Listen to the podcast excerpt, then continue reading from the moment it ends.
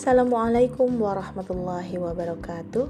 Perkenalkan saya Rahmawati Puji Astuti Biasa dipanggil Rahma. Saya dari MTP UIK Bogor. Saat ini ingin sharing mengenai catatan-catatan yang sudah saya catat selama dua semester. Tapi untuk kali ini saya akan sharing uh, tentang catatan saya mengenai mata kuliah Islamic Worldview Uh, kenapa saya sharing? Karena ternyata memang kita pada suatu saat akan memerlukan ini. Ketika saya kemarin melihat teman-teman yang mau ujian kompre, ternyata di sana diujikan semua mata kuliah yang sudah dipelajari dan di di situlah saya terinspirasi untuk membuat rekaman ini dan barangkali insya Allah bisa bermanfaat untuk teman-teman dan khususnya untuk saya ketika uh, apa namanya ingin mereview ulang lagi uh, tentang mata kuliah yang di, yang sudah kita pelajari. Dan teman-teman nanti juga bisa mendengarkan podcast ini sambil eh, jalan-jalan uh, sambil mengendarai kendaraan atau sambil santai kan? Lumayan ya Nah, pada saat ini saya ingin sedikit sharing mengenai mata kuliah Islamic Worldview yang kita dapati pada saat matrikulasi. Mata kuliah ini dibawakan oleh uh, dosen pengampu oleh Dr. Abbas Mansur Tamam, MA. Nah, di catatan saya uh, tertulis bahwa beliau adalah alumni Al Azhar Kairo S1, S2, S3-nya ya kalau nggak salah. Uh, ini catatan saya. Kemudian uh, pernah mengajar di UI katanya mata kuliah kajian pasca Timur Tengah Masya Allah dan beliau juga menerbitkan buku mengenai Islamic Worldview dan tahu tidak teman-teman saya itu mengagumi beliau karena ketika menerangkan tuh kita seperti berada di dalam dunia itu gitu. Ketika uh, beliau sharing pengalaman pengalamannya di uh, mana-mana di, di, di apa di luar negeri gitu. Ketika beliau sedang uh, uh, apa uh, melanjutkan pendidikan atau melaksanakan pendidikannya di luar negeri uh luar biasa sekali. Dan pada saat pertama kali perkuliahan, beliau sharing mengenai pengertian Islamic worldview. Menurut beliau, dalam catatan saya, Islamic worldview itu terdiri dari satu kalimat yang biasanya kalimat itu atau kalimat lengkap itu eh, terdiri dari subjek, predikat, objek, dan keterangan. Di dalam kalimat Islamic worldview, yang berperan sebagai subjeknya itu adalah muslim kata beliau. Dan sebagai predikatnya yaitu memandang. View, view ya, memandang. Sedangkan objeknya di sini adalah dunia. Menurut beliau, dunia itu ada alam nyata atau syahadah dan alam goib atau universal. Yang segala sesuatunya itu ada atau wujud. Sedangkan yang berperan sebagai keterangannya adalah secara islami. Nah, itu dia kuncinya. Jadi, menurut uh, penjabaran kalimat yang tadi bahwa pengertian Islamic worldview adalah pandangan kita terhadap segala yang ada atau wujud secara islami sesuai dengan ajaran Islam dan tentu saja harus valid dan sahih. Dan hal tersebut tentu saja terkait dengan dunia kognitif, apeksi, dan psikomotorik. Dan tentu saja syaratnya adalah harus muslim. Kalau non muslim hanya empati saja, kata beliau seperti itu.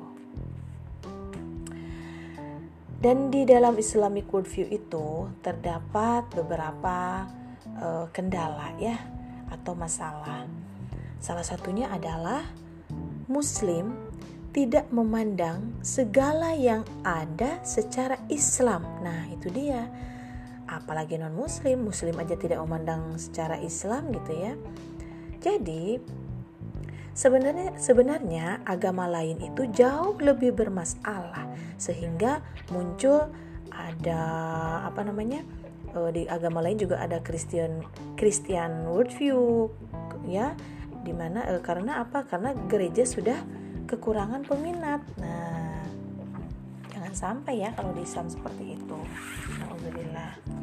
Contohnya kata beliau pada saat itu me, apa mencontohkan seperti ini. Di negara Belgia kata beliau tingkat ateisme itu tinggi kurang lebih 60% sehingga menyebabkan gereja bangkrut kemudian jemaahnya sedikit dan efeknya pajak langsung dari jamaah ya. Artinya pajak itu kan e, dihasilkan dari jamaah.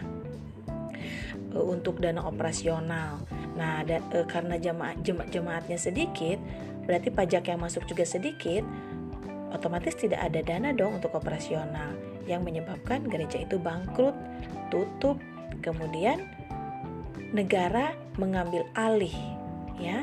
Negara mengambil alih dan dihibahkan untuk umat Islam untuk meningkatkan biaya. Jadi di sini e, ceritanya ada Euro Arabia. Jadi ada imigran Arab atau uh, jadi bukan bu, bukan Europe lagi ya. Jadi ada imigran Arab yang menyebabkan terjadinya perubahan demografis yaitu Eropa bukan lagi menjadi negara Kristen. Nah, itu dia masalahnya seperti itu. Contoh yang kedua kata beliau di Hamburg, mayoritas penduduk asli berusia lebih dari 60 tahun dan mayoritas penduduknya adalah umat Islam coba imigran itu. Sehingga ada kebijakan libur sekolah di hari lebaran. Nah itulah yang mengakibatkan adanya Christian worldview untuk meningkatkan kekristenan gitu ya. Dan contoh yang ketiga beliau ceritakan pada saat itu katanya di Italia 60.000 muslim tumbuh eh, 60.000 muslim baru tumbuh setiap tahunnya. Sedangkan kata beliau di Indonesia sendiri berapa coba pertumbuhan muslim eh, pertumbuhan muslim baru per tahunnya? Hanya 20.000. Makanya ketika mereka masuk ke Indonesia, mereka mendapati krisis Islamic worldview di Indonesia. Karena Indonesia melihat Islam malah dengan paradigma barat coba atau bisa disebut dengan split epistemologi. Ah, itu dia ya di Indonesia jadi begitu deh. Padahal di negara lain juga ada Christian worldview-nya gitu, maksudnya krisis juga itunya ya, kristianisasinya. Dan ada ada lagi contoh senok dari Jawa kata beliau ya. Senok dari Jawa itu orientalis yang berasal dari negeri sendiri Indonesia. Nah, apa sih e, senok dari Jawa itu? Jadi pengakuannya Muslim, tapi kepala dan hatinya itu senok. Ya, acuannya itu kepada senok. E, apa ya senok?